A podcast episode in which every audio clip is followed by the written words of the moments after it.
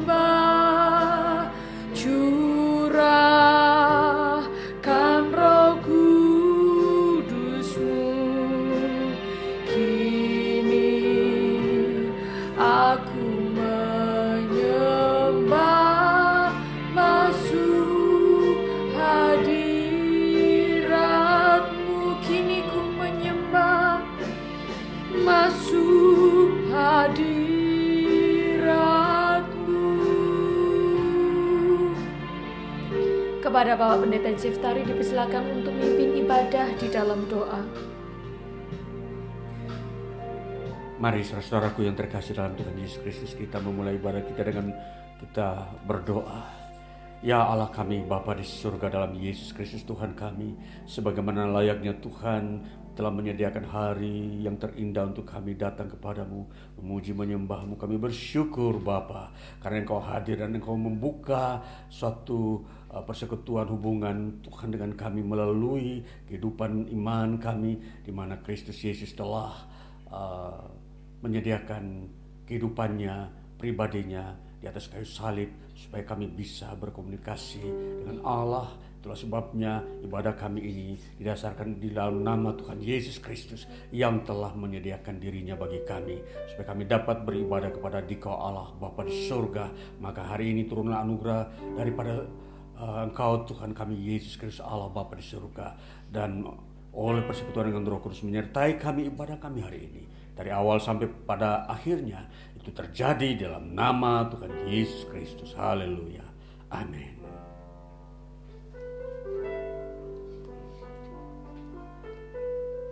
Saudara mari kita bangkit berdiri, kita menyerukan namanya yaitu Yesus Kristus, dialah Tuhan yang maha besar, maha kuasa, Raja segala Raja.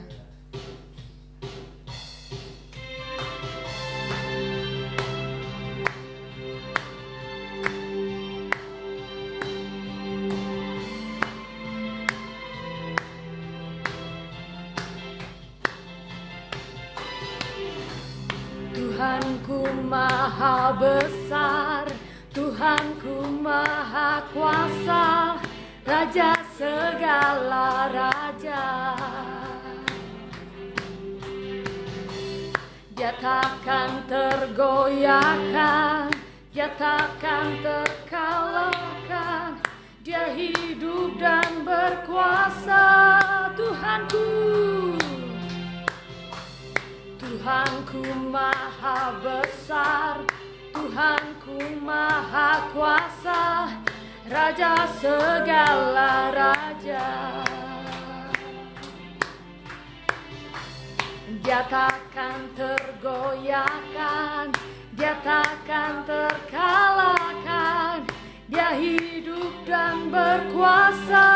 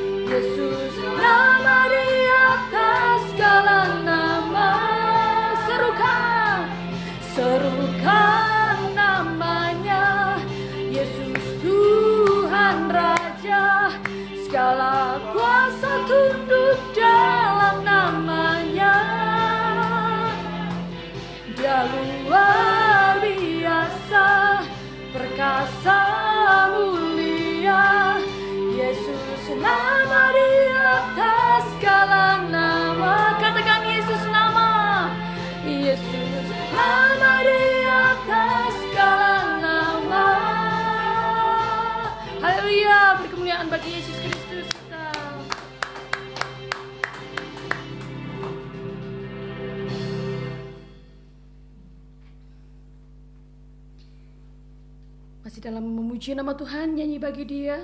Kita menggerakkan kaki kita dan menari bertepuk tangan, bersuka cita. Sebab dia Yesus Kristus yang selalu menanggalkan beban kita. Amin.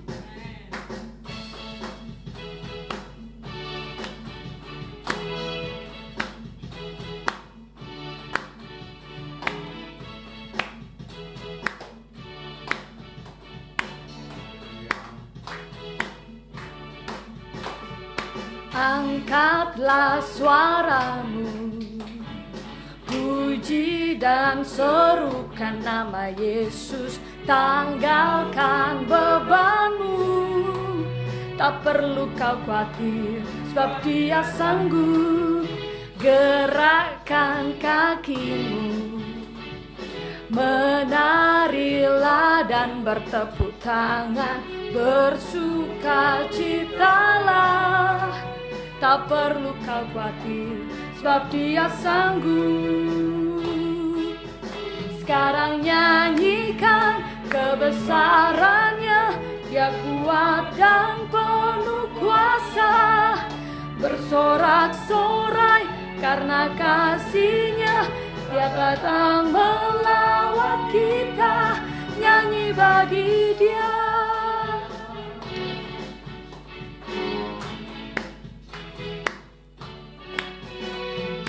Angkatlah suaramu.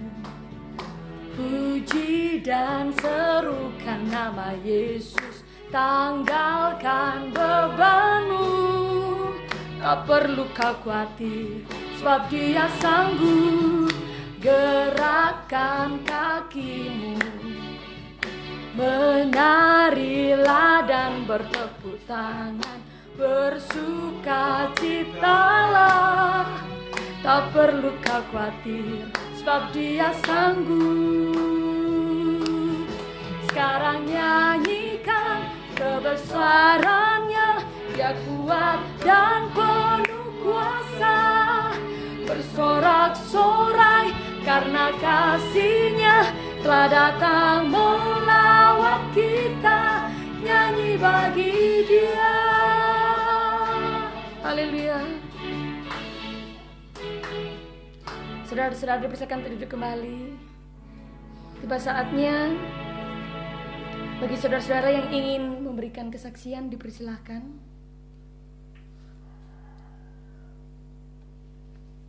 Ya, jika belum ada, mari kita baca bersama-sama pada kitab Yesaya pasal 28 ayat 1 hingga 29.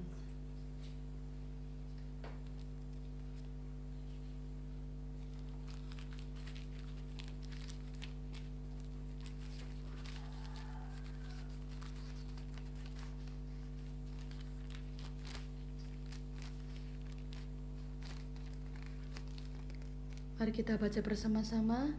Satu, dua, tiga. Yerusalem tersesak dan terlepas. Nubuat terhadap Samaria.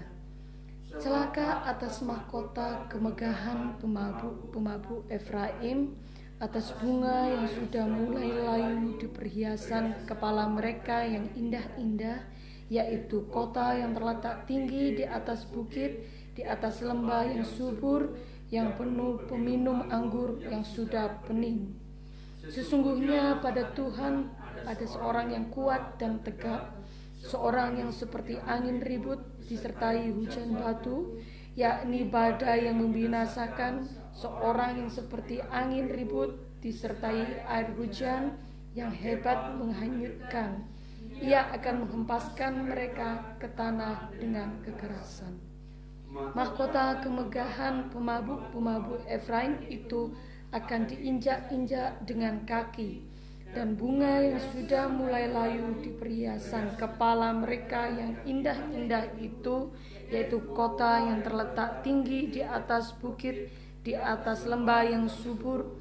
Nasibnya akan seperti nasib buah arah yang masak duluan sebelum musim kemarau baru saja dilihat orang terus dipetik dan ditelan. Pada waktu itu Tuhan semesta alam akan menjadi mahkota kepermainan dan perhiasan kepala yang indah-indah bagi sisa umatnya. Akan menjadi roh keadilan bagi orang yang duduk mengadili dan menjadi roh kepahlawanan bagi orang yang memukul mundur peperangan ke arah pintu gerbang terhadap pemimpin-pemimpin Yerusalem. Tetapi orang di sini pun pening karena anggur dan pusing karena arak. Baik imam maupun nabi pening karena arak, kacau oleh anggur. Mereka pusing oleh arak, pening pada waktu melihat penglihatan, goyang pada waktu memberi keputusan.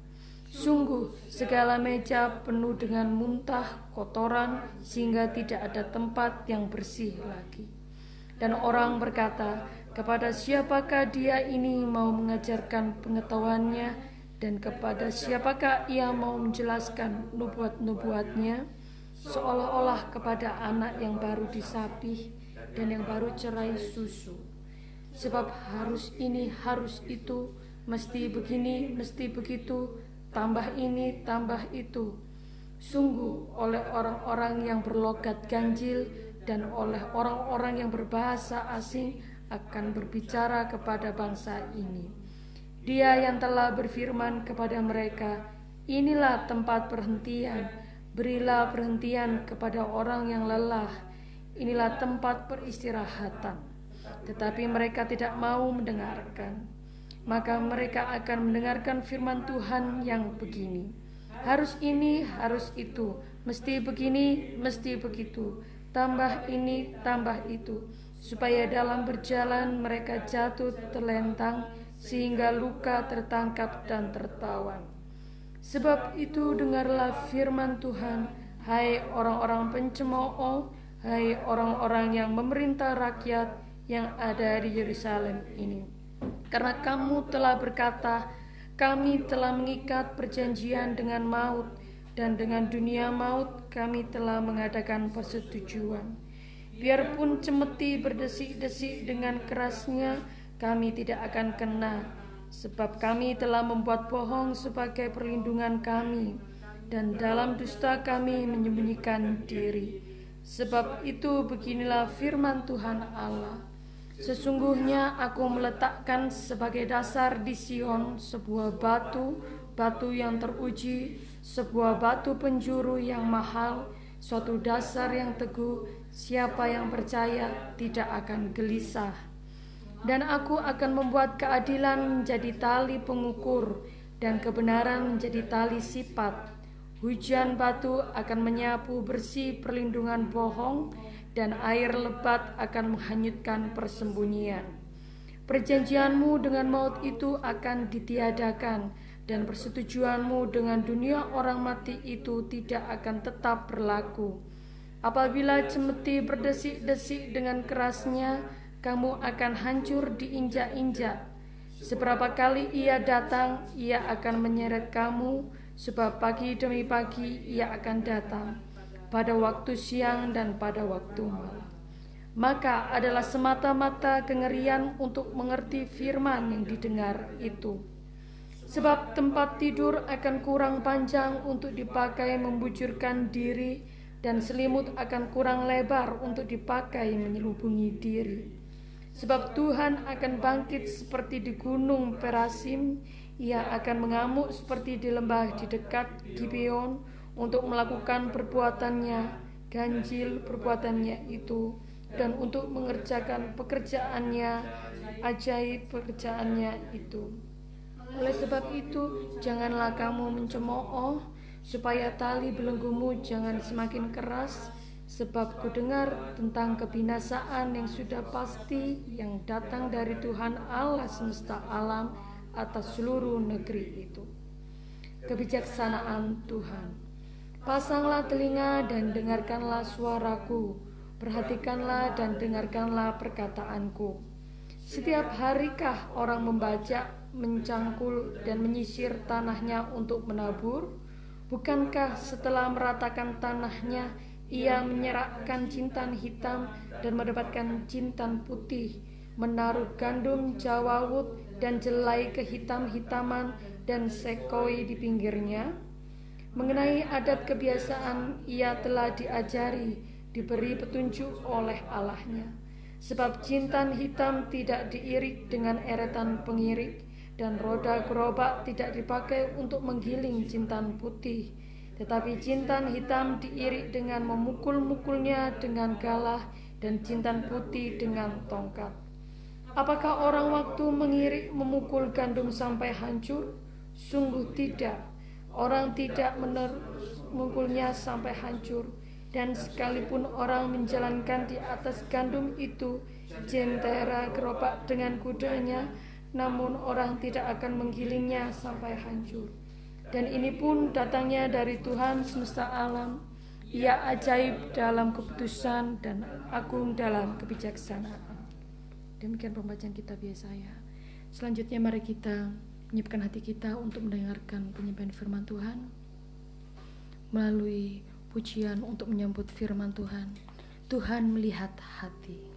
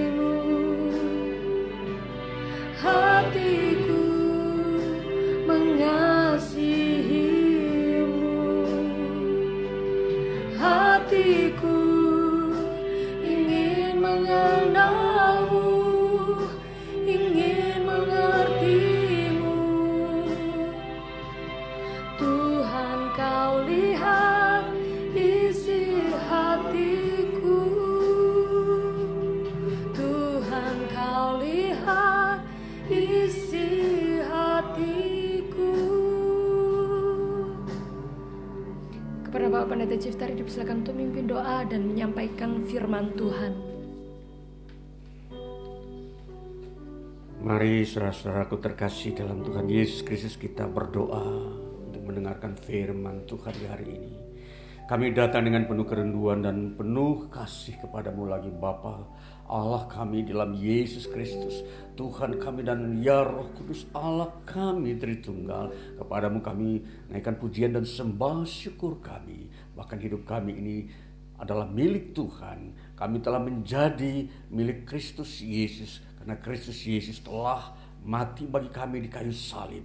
Dan kematiannya untuk menebus dosa-dosa kami. Agar kami menjadi miliknya untuk selama-lamanya. Maka kami pada hari ini datang beribadah kepada Tuhan, membawa pujian syukur dan segenap hidup kami di atas mesbah persembahan Kristus Yesus Tuhan.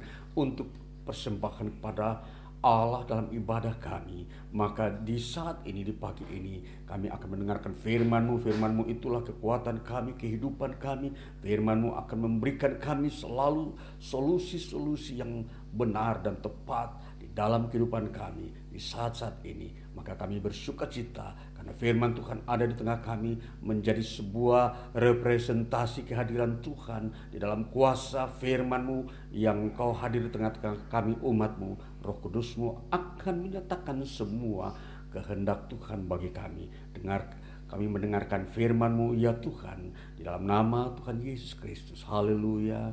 Amin. Ya, saudara, kita akan membuka firman Tuhan kali ini. Akan terambil dari Injil Matius pasal yang keempat. Injil Matius pasal 4 ayatnya yang ke-17 sebagai dasar penyampaian firman Tuhan hari ini dan kemudian akan dilanjutkan dengan pada bagian yang berikutnya pada Injil Lukas. Namun kita memperhatikan dulu Injil Matius. Injil Matius kita buka dulu pasal 4 ayat yang ke-17 kita mulai. Sejak waktu itulah Yesus memberitakan, "Bertobatlah, sebab kerajaan sorga sudah dekat." Ya, kita akan melihat bagian uh, sebagai pendamping ayat ini kita akan membaca Injil Markus pasal 7 ayat 1 sampai dengan 23. Injil Markus pasal yang ketujuh.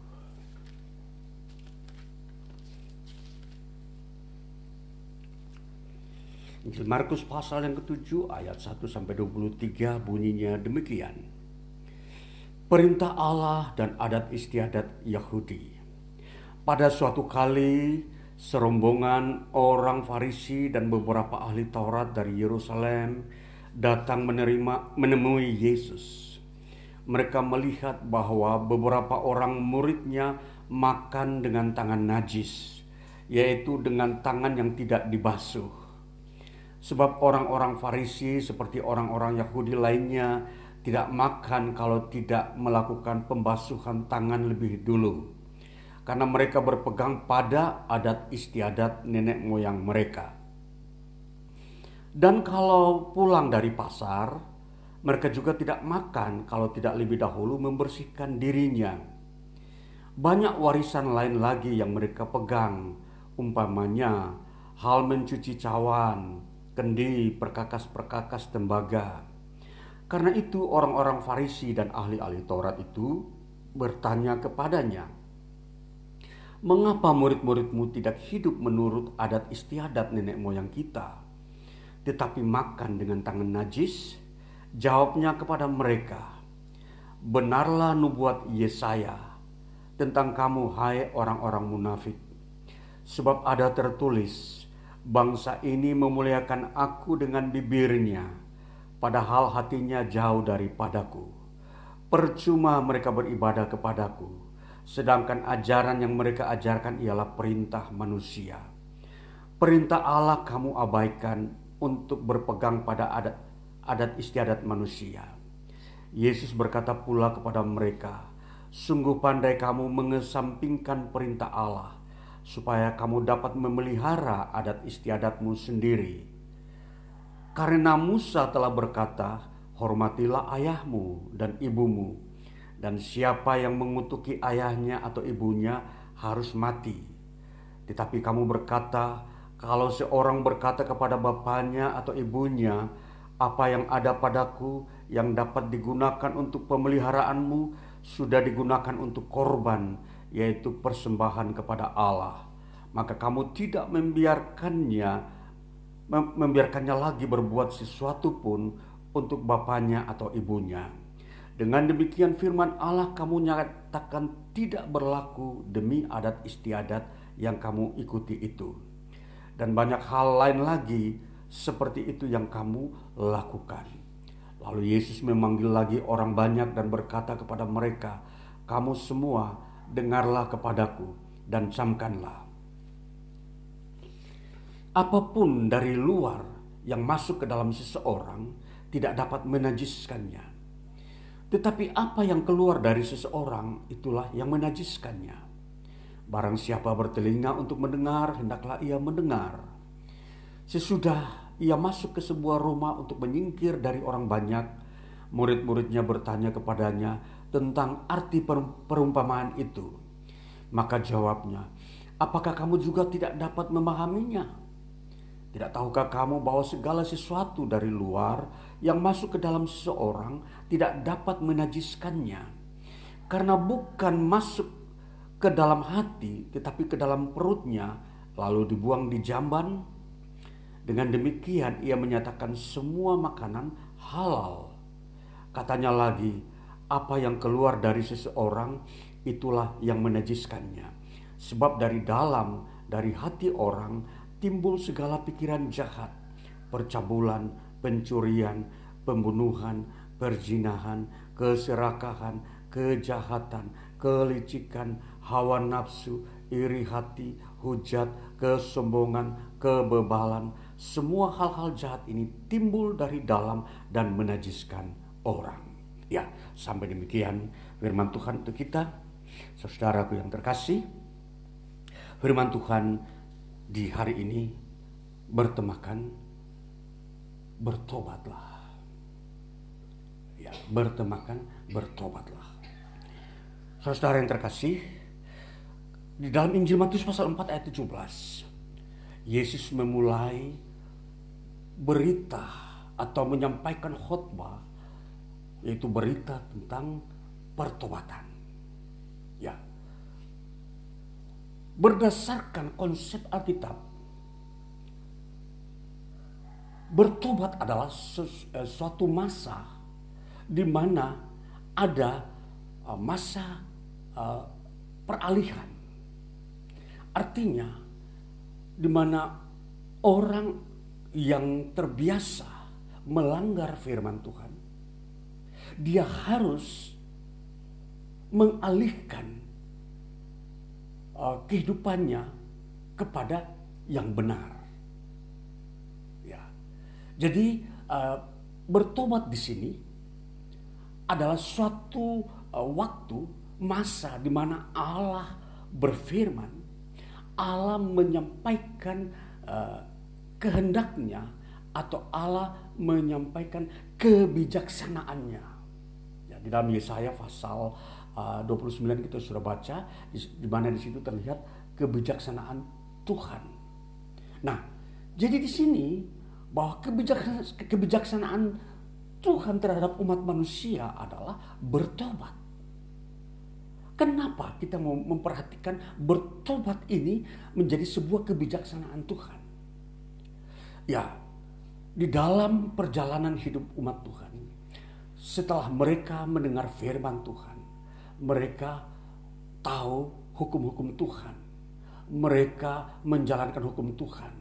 Tentunya di dalam perjalanan hari-hari hidup mereka, mereka uh, ada di tengah-tengah kondisi situasi dunia di mana di situ juga terjadi uh, perkembangan ilmu-ilmu peradaban manusia ya, baik itu tradisi-tradisi ya, maupun ilmu-ilmu pengetahuan uh, yang di luar tradisi itu sendiri itu bertumbuh.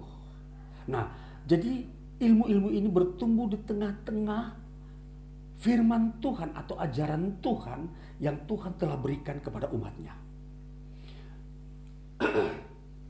Jadi di dalam perkembangannya, perkembangan umat Tuhan, di situ ternyata umat Tuhan salah menempatkan uh, prioritas kehidupan.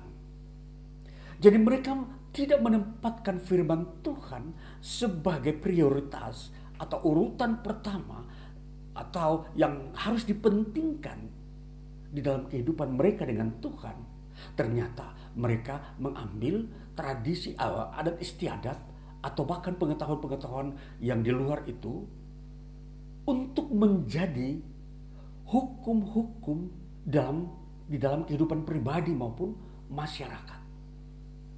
Nah, ini mereka menempatkannya. Lalu kemudian uh, di dalam perjalanannya lambat laun akhirnya hukum Tuhan itu dikesampingkan, tidak dipakai. Sehingga generasi-generasi berikutnya mereka tidak mengingat lagi akan firman Tuhan, tidak mengingat lagi pengajaran firman Tuhan. Lalu kemudian terjadi sebuah ya modifikasi uh, masyarakat yang tentunya dibangun di atas dasar uh, adat istiadat tadi. Nah, jadi pada era di mana hukum Tuhan sudah tidak terpakai, lalu yang dipakai hanya adat istiadat dan semua uh, peradaban-peradaban manusia lainnya, maka di sinilah momentum di mana berita pertobatan disampaikan. Nah, jadi saudara-saudara, di dalam Injil Matius pasal 4 ayat 17 tadi, Yesus menyampaikan berita pertobatan. Nah itu berarti pertanda bahwa masyarakat Yahudi yang ada di Galilea pada saat itu Yesus memberitakan berita pertobatan itu. Mereka semua tentunya telah mengesampingkan ajaran Tuhan. Mereka tentunya telah memakai adat istiadat nenek moyang mereka dan peradaban-peradaban manusia yang ada di sekitar mereka sebagai uh, dasar hukum uh, pribadi bermasyarakat bahkan di dalam anggapan semua itu mereka anggap semua itu adalah suci.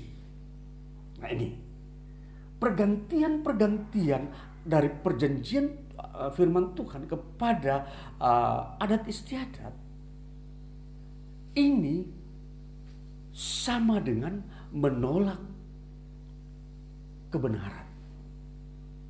Nah, jadi di sini kehadiran Yesus melihat pemandangan di mana setiap orang di masyarakat yang ada di Galilea saat itu mereka tidak mengerti bagaimana menghormati orang tua. Bagaimana bersikap benar terhadap orang tua. Karena hukum Tuhan yang yang telah diajarkan kepada uh, orang-orang Yahudi melalui Musa teristimewa hormatilah orang tua. Kalau memang menghormati Allah sudah mereka jalankan. Tetapi menghormati orang tua mereka kesampingkan. Nah, apa apa uh, efek daripada mengesampingkan menghormati orang tua ini? Di sini orang tua tidak ditempatkan lagi sebagai orang yang akan mengajari mereka uh, uh, kasih tunduk kepada uh, Allah secara sempurna, mengasihi sesama manusia. Karena ketika uh, menghormati orang tua saja sudah tidak dilakukan, apalagi mau menghormati atau mengasihi sesama yang ada di sampingnya. Nah, jadi di sini uh, Yesus Kristus melihat telah terjadi uh, pengalihan hukum Tuhan kepada hukum yang berupa adat istiadat. Nah, jadi bertobatlah. Bertobatlah ini berarti menandakan bahwa apa yang kamu lupakan tadi harus kamu kembali dan apa yang kamu baru terima yang kamu bangun yaitu adat istiadat itu harus ditinggalkan bukan di dilepaskan uh, separuh-separuh. Bertobat mempunyai makna itu yaitu berbalik 180 derajat. Kalau tadinya dia ber, berjalan ke arah utara, dia harus kembali uh, berjalan ke arah selatan. Jadi itu 180 derajat. Bertobat mempunyai makna seperti itu. Dan bertobat mempunyai makna berikutnya adalah menyesali perbuatannya bahwa mereka keliru dan salah di dalam mengambil keputusan.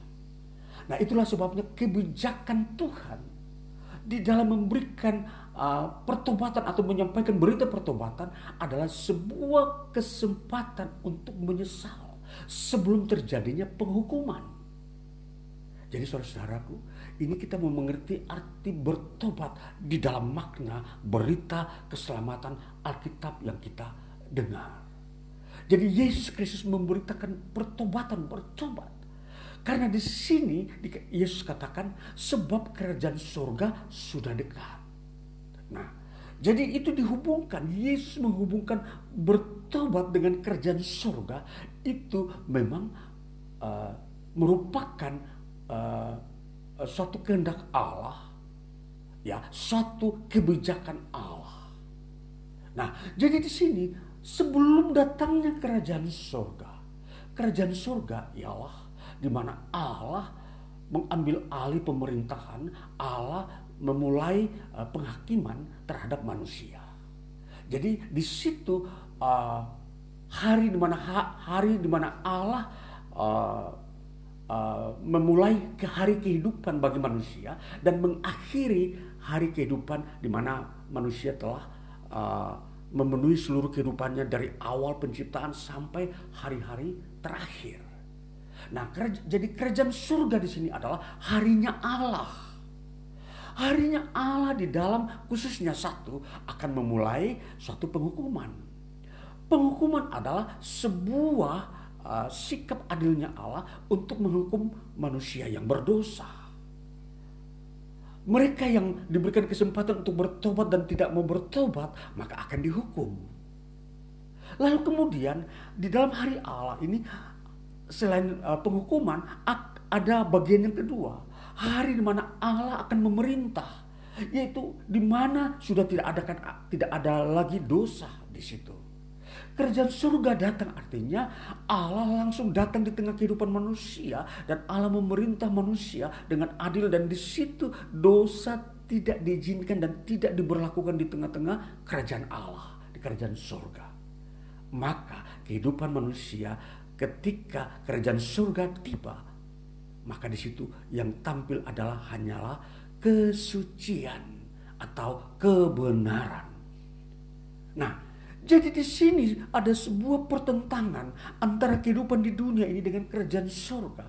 Bahwa di dunia ini penuh dengan keberdosaan, melawan hukum-hukum Tuhan. Hukum Tuhan dikesampingkan, hukum Tuhan tidak diberlakukan di dalam kehidupan uh, individu maupun sosial, bahkan di lingkungan uh, keagamaan sekalipun itu tidak dipakai.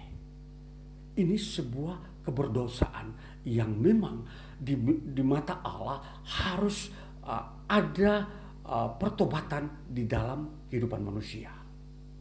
Nah, jadi kalau kita mau melihat berita pertobatan di dalam uh, pemakaian kata yang Tuhan pakai adalah metanoio.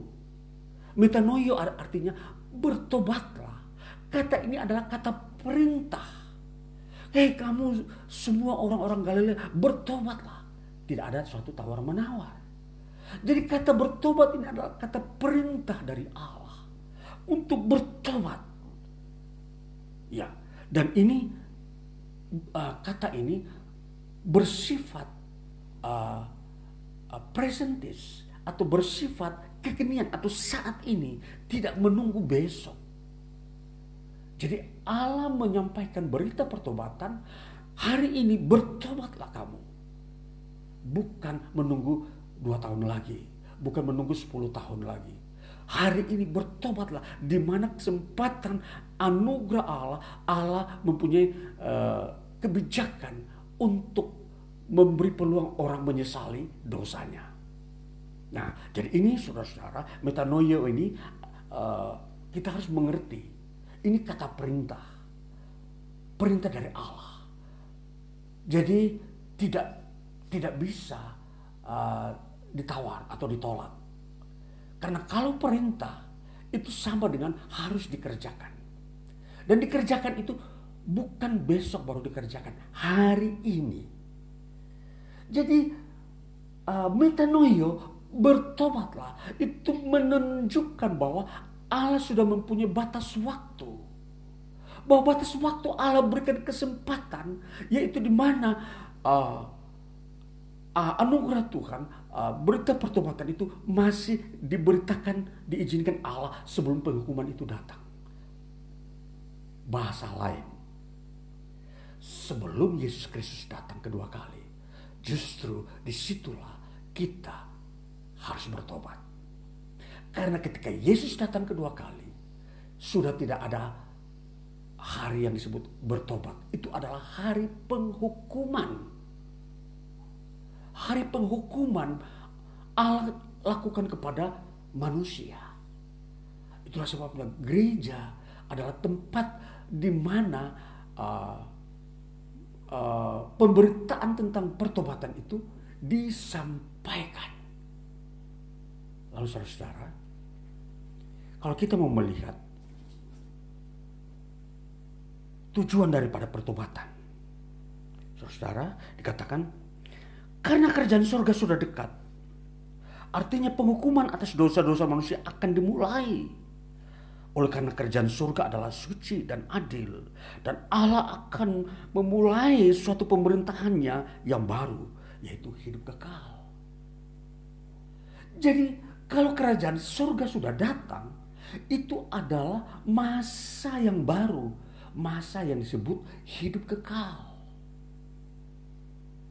Nah jadi kita diperhadapkan dengan berita pertobatan. Itu mengingatkan kita harus waspada. Jangan uh, meninggalkan firman Tuhan. Jangan meninggalkan ajaran Tuhan. Kalau kita telah bersalah, kita harus bertobat. Tidak ada jalan lain untuk kita mendapatkan keselamatan pengampunan dosa.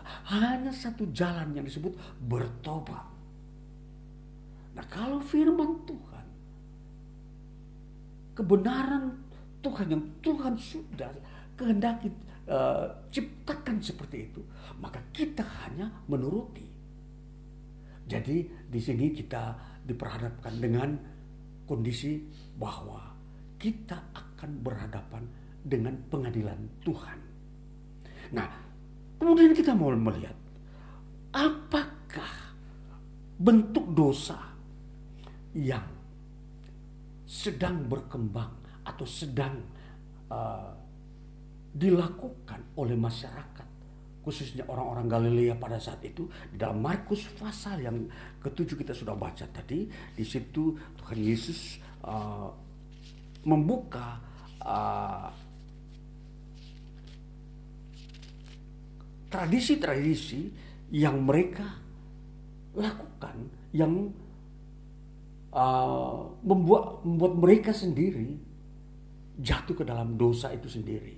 Adat istiadat adat adat istiadat ini yang mereka ciptakan supaya mengalihkan atau menggantikan uh, ajaran firman Tuhan yang harus mereka lakukan dan mereka ganti dengan adat istiadat dan inilah yang uh, Tuhan Yesus sampaikan kepada mereka dikatakan pada ayat pasal 7 pada ayatnya yang ketiga mulai sebab orang-orang Farisi seperti orang-orang Yahudi lainnya tidak makan kalau tidak melakukan pembasuhan tangan lebih lebih dulu karena mereka berpegang pada adat istiadat nenek moyang mereka. Dan kalau pulang dari pasar, mereka juga tidak makan kalau tidak lebih dahulu membersihkan dirinya katakanlah mandi. Ya. Lalu kemudian banyak warisan lain lagi yang mereka pegang, umpamanya hal mencuci cawan, ya, kendi dan perkakas-perkakas tembaga. Ini sebuah adat istiadat yang mereka ciptakan dengan tujuan bahwa mereka akan eh, mendapatkan kesucian dari adat istiadat itu. Nah, kemudian dilanjutkan lagi. Uh, dikatakan pada ayat 5, karena itu orang-orang Farisi dan ahli-ahli Taurat itu bertanya kepadanya, mengapa murid-muridmu tidak hidup menurut adat istiadat nenek moyang kita, tetapi makan dengan tangan najis? Jawabnya kepada mereka, benarlah nubuat Yesaya tentang kamu, hai orang-orang munafik. Sebab ada tertulis, bangsa ini memuliakan aku dengan bibirnya, padahal hatinya jauh daripadaku. Percuma mereka beribadah kepadaku, sedangkan ajaran yang mereka ajarkan ialah perintah manusia. Lalu dikatakan selanjutnya, perintah Allah kamu abaikan untuk berpegang pada adat istiadat manusia. Yesus berkata pula kepada mereka, "Sungguh pandai kamu mengesampingkan perintah Allah, supaya kamu dapat memelihara adat istiadatmu sendiri." Karena Musa telah berkata hormatilah ayahmu dan ibumu dan siapa yang mengutuki ayahnya dan atau ibunya harus mati. Tetapi kamu berkata kalau seorang berkata kepada bapaknya atau ibunya apa yang ada padaku yang dapat digunakan untuk pemeliharaanmu sudah digunakan untuk korban yaitu persembahan kepada Allah. Maka kamu tidak membiarkannya lagi berbuat sesuatu pun untuk bapaknya atau ibunya.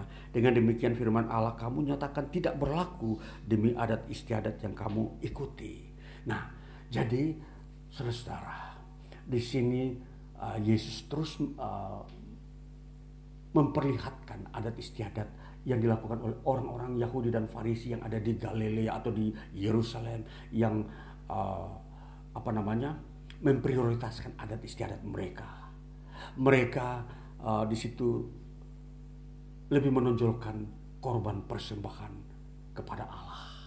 Artinya korban itu pengertiannya itu materi-materi uh, uh, dalam bentuk kebutuhan-kebutuhan manusia di dunia ini dalam bentuk makanan, minuman. Mereka berikan semua kepada Allah. Tetapi kepada orang tuanya tidak. Atau kepada sesamanya tidak. Jadi kepada Allah saja. Itu persembahan kepada sesama manusia tidak perlu atau apalagi ter, teristimewa kepada orang tua mereka tidak peduli dengan orang tua. Apalagi sesama soal kehidupan uh, sehari-hari di dunia ini termasuk makan dan minum. Jadi dengan kata lain bahwa seluruh hasil pekerjaan mereka mereka berikan hanya kepada Allah. Jadi jerih payah mereka mereka sudah tidak perhitungkan lagi untuk orang tuanya atau kepada sesamanya. Ini hanya untuk Allah saja. Ini kelihatannya suci dan begitu uh, menghormati Allah. Tetapi justru Yesus uh, menganggap ini kalian telah mengesampingkan firman Allah. Kalian telah uh, uh, apa nama tidak memperhatikan orang tua. Ini memang ditegaskan di sini orang tua. Tentunya kalau kita uh, memperhatikan orang tua di sini, ini adalah orang-orang uh, yang perlu dihormati oleh anak-anak pada saat masa mereka tua. Jadi ketika orang tua sudah tua, tidak berdaya, perlu dipelihara atau diperhatikan oleh anak-anaknya yang sedang bekerja. Nah, ini mereka tidak lakukan. Mereka membiarkan orang tuanya uh, katakanlah tidak cukup makanan. Mereka tidak mau memberikannya kepada orang tuanya, tetapi mereka memberikan kepada persembahan di dalam bait Allah, di dalam rumah Allah, di dalam di mana tempat mereka beribadah. Jadi hasil-hasil kerja mereka lebih banyak dipersembahkan ke dalam rumah ibadah daripada kepada orang tua. Ini yang Yesus Kristus menentang perbuatan seperti ini. Ini namanya dianggap Tuhan Yesus menganggap mereka ini munafik. Kamu beribadah kepada Allah hanya dengan bibir, bibir mulutmu saja, tapi hatimu jauh daripada Allah. Nah jadi Allah e, menekankan bahwa beribadah kepada dia mengasihi Allah harus sama dengan mengasihi sesama manusia. Nah di sinilah yang disalah uh, praktekkan oleh orang Yahudi dan orang Farisi di Galilea dan bahkan di seluruh Israel semua mempraktikkan uh, adat istiadat seperti ini. Nah sehingga keberdosaan inilah yang Yesus uh, perlihatkan kepada mereka supaya mereka bertobat. Bertobat. Jadi kita harus memperhatikan kondisi seperti ini. Jangan kita mau meniru orang-orang Yahudi ini, ahli Taurat, yang hanya mem, membawa uangnya hanya untuk bait Allah saja.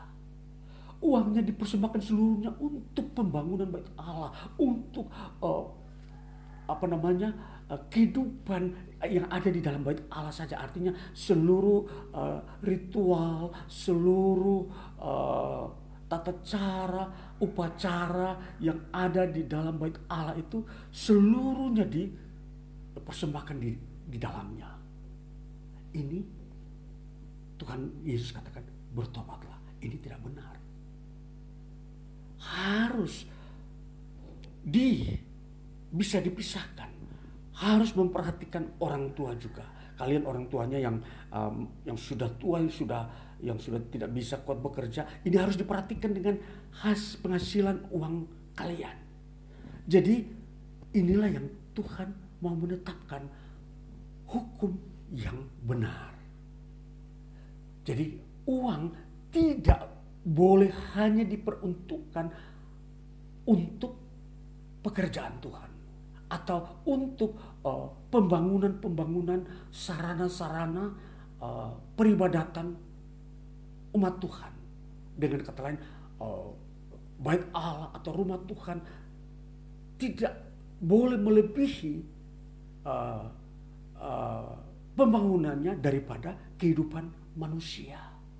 Jangan sampai kita membangun uh, gedung gereja yang megah, tetapi jemaat di dalamnya ada yang miskin atau orang tuanya yang masih uh, tidak uh, mendapat perhatian soal penghidupan atau makanan bahkan kesehatan. Ini yang yang memang harus disoroti dan Yesus Kristus memang betul-betul memperhatikan ini. Dan orang-orang yang tidak mau bertobat, Yesus katakan kalian justru orang-orang munafik. Harus bertobat, tinggalkan cara-cara seperti ini.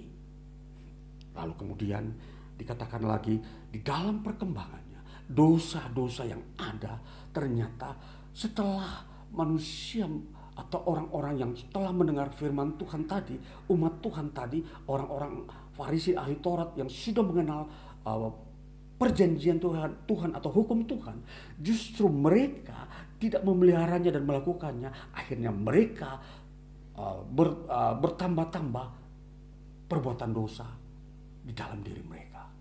Apa perbuatan dosa yang yang yang berkembang setelah mereka uh, melanggar firman Tuhan ini. Di dalam ayatnya yang ke mulai ayatnya yang ke-17 Sesudah ia masuk ke seluruh rumah untuk menyingkir dari orang banyak, murid-muridnya bertanya kepadanya tentang arti perumpamaan itu. Maka jawabnya, apakah kamu juga tidak dapat memahaminya? Tidak tahukah kamu bahwa segala sesuatu dari luar yang masuk ke dalam seseorang tidak dapat menajiskannya? Karena bukan masuk ke dalam hati, tetapi ke dalam perutnya, lalu dibuang di jamban. Dengan demikian ia menyatakan semua makanan halal. Katanya lagi, apa yang keluar dari seseorang, itulah yang menajiskannya Sebab dari dalam dari hati orang timbul segala pikiran jahat. Satu. Dua percabulan. Tiga pencurian. Empat pembunuhan. Lima perjinahan. Enam keserakahan. Tujuh kejahatan. Delapan kelicikan. Sembilan hawa nafsu. Sepuluh iri hati. Sebelas hujat. Dua belas kesombongan. Tiga belas kebebalan. Tiga belas kejahatan. Atau dosa.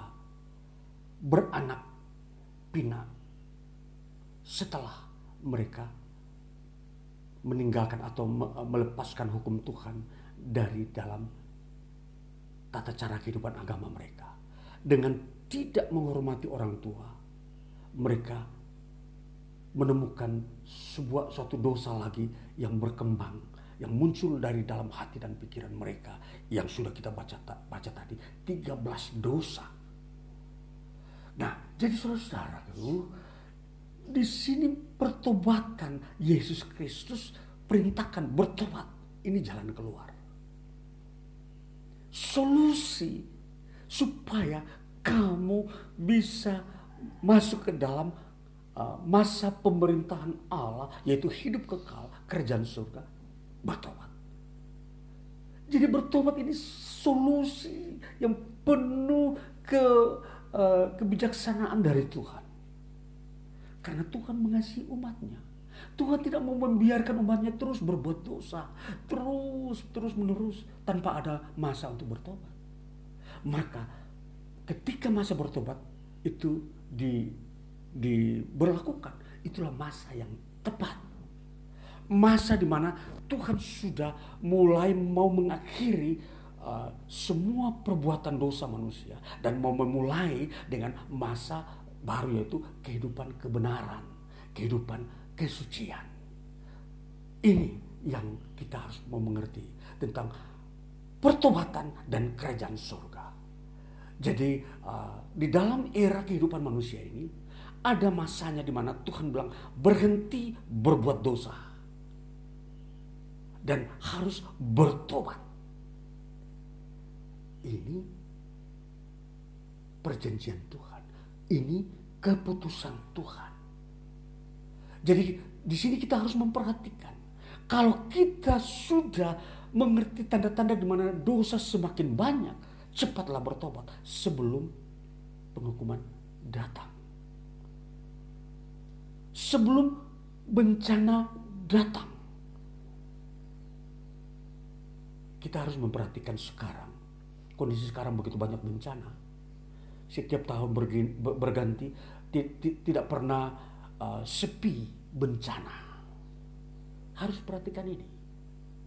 Bahwa era di mana manusia hidup kalau banyak bencana itu tanda-tanda manusia harus bertobat. Manusia harus bertobat. Karena di sini adalah suatu masa di mana Tuhan mau mengakhiri akan dosa-dosa manusia. Tuhan sudah uh, uh, tidak mampu melihat lagi perbuatan dosa manusia di muka bumi. Itulah sebabnya era pertobatan. Ketika Yesus datang ke dunia, memulai pertobatan sampai hari ini, berita pertobatan tetap diberitakan oleh uh, hamba-hambanya. Karena masa di mana pembatasan bertobat itu sendiri itu adalah waktunya Tuhan. Memang bertobat ketika kita membaca metanoia, metanoio ini, hari ini. Itu artinya setiap generasi hari ini ketika melihat keberdosaan itu merajalela harus bertobat. Sebelum hari besok datang bencana atau penghukuman. Ini perlu diperhatikan bahasa Tuhan bertobat. Dan ini era di mana setelah Yesus memberitakan 2000 tahun lalu bertobat sampai hari ini Injil tetap memberitakan bertobat kepada semua manusia. Karena dosa-dosa yang telah manusia perbuat dan 13 dosa tadi sudah kita lihat di situ begitu kental di era manusia saat ini. Jadi berita pertobatan adalah jalan atau solusi terbaik untuk terjadinya pemulihan. Solusi yang tepat dan itu adalah kebijaksanaannya Tuhan. Jadi bagaimana bertobat tadi? Manusia harus meninggalkan tradisi-tradisi atau adat istiadat yang yang uh, membuat manusia itu terjebak di dalamnya dan tidak bisa beribadah kepada Tuhan dengan benar. Harus kembali murni kepada Injil Tuhan, firman Tuhan di mana Tuhan Yesus mengajarkan bagaimana supaya manusia berkenan kepada Allah dan dosa-dosa yang sudah ter, tertulis dalam 13 dosa tadi dalam Injil Markus pasal 7 itu pun harus ditinggalkan, tidak dilakukan. Itu namanya bertobat dan membangun kehidupan untuk berkenan kepada Tuhan. Kita memulainya kembali. Selama manusia tidak mau kembali kepada Tuhan, ini tanda-tanda penghukuman Tuhan semakin hari semakin uh, bertambah. Semakin hari semakin terbuka. Sehingga kita mendengar firman Tuhan, kita bertobat untuk mempersiapkan diri kita masuk ke dalam masa waktunya Tuhan, masa pemerintahan Allah di mana kebenaran kesucian Allah memerintah di tengah kita dan kita diberkati oleh Tuhan. Dan demikian kita uh, masuk ke dalam masa-masa kita berikutnya. Kita sadar bahwa kita uh, harus hidup tidak lagi di atas dasar dosa, tetapi di atas dasar firman Tuhan. Firman Tuhanlah yang menjadi pegangan untuk kita berpikir dan melakukan. Kita melakukan hukum-hukum Tuhan, mengasihi Tuhan dan mengasihi sesama. Dua hukum itu akan memelihara kita sehingga kita tidak akan berbuat dosa. Mengasihi Tuhan, mengasihi sesama. Di sini akan melatih kita untuk takut kepada Tuhan. Dan itulah sebabnya uh, hari ini kita perlu merespon diri kita di hadapan Tuhan. Bahwa kita harus uh, mem, uh, mempersiapkan diri kita.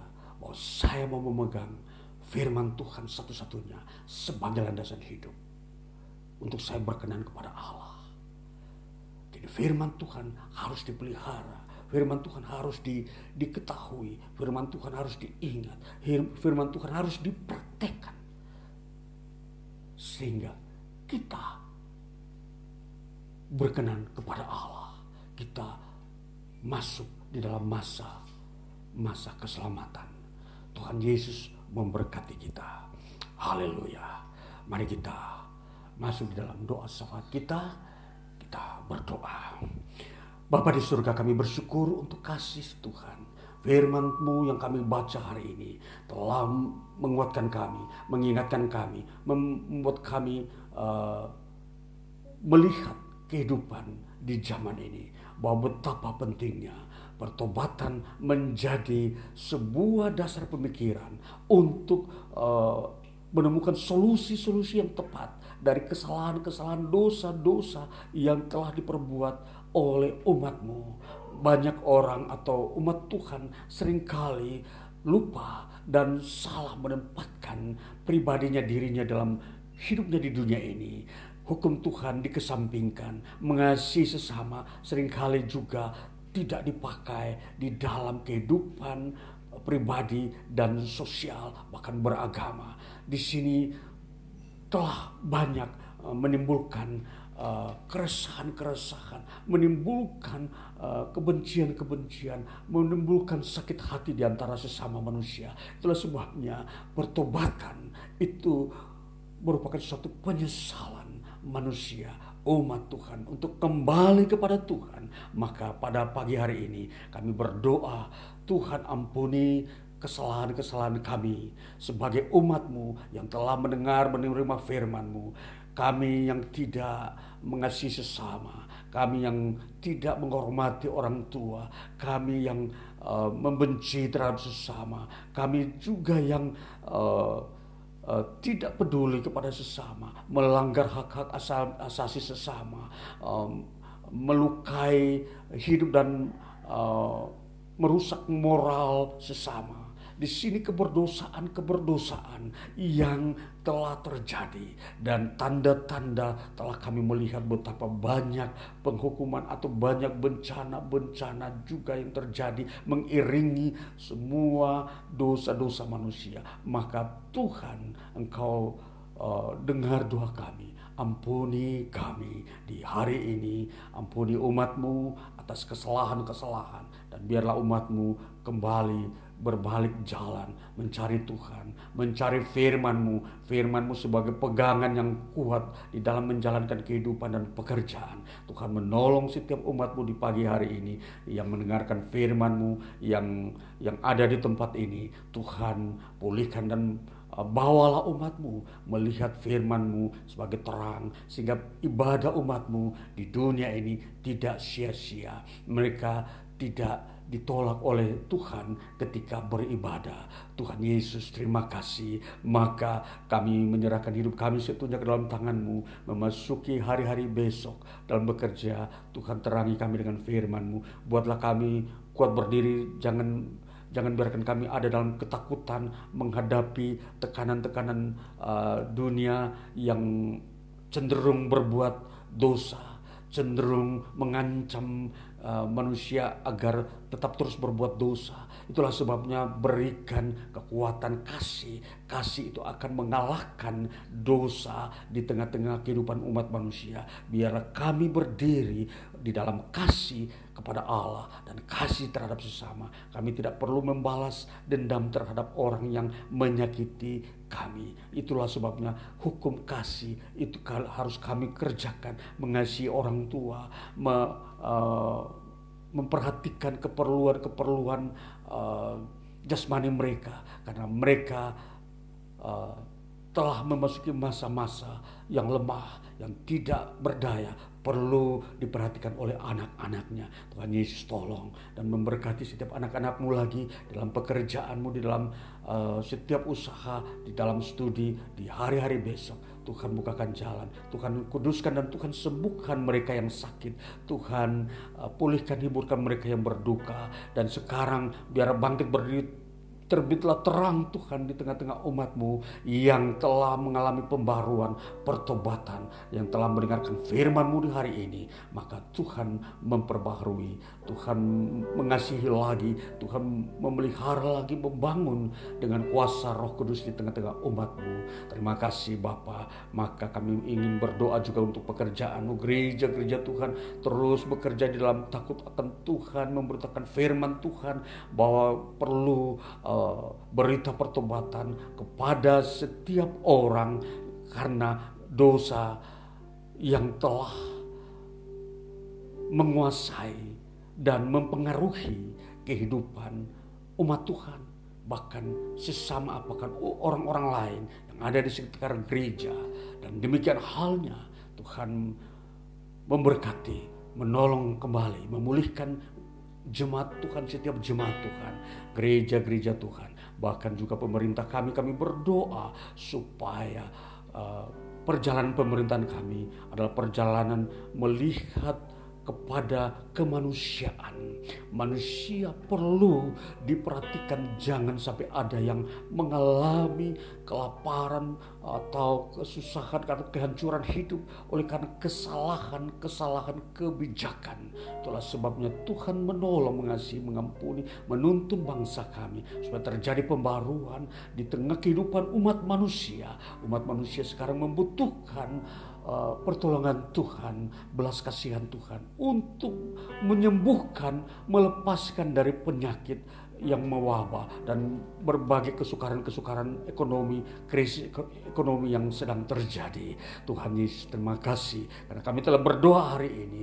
Pertolongan kasih karunia atas kami, umatmu dan biarlah anugerah dari surga dari Bapa di dalam Yesus Kristus oleh persekutuan Roh Kudus menyertai kami semua hari ini terus sampai selama-lamanya dan kami berdoa sesuai apa yang Tuhan ajarkan kepada kami. Bapa kami yang di surga, dikuduskanlah namamu, datanglah kerajaanmu, jadilah kehendakmu di bumi seperti di surga.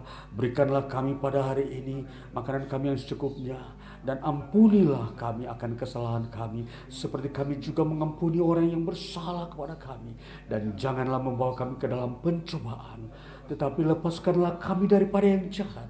Karena engkau yang punya kerajaan, kuasa dan kemuliaan sampai selama-lamanya.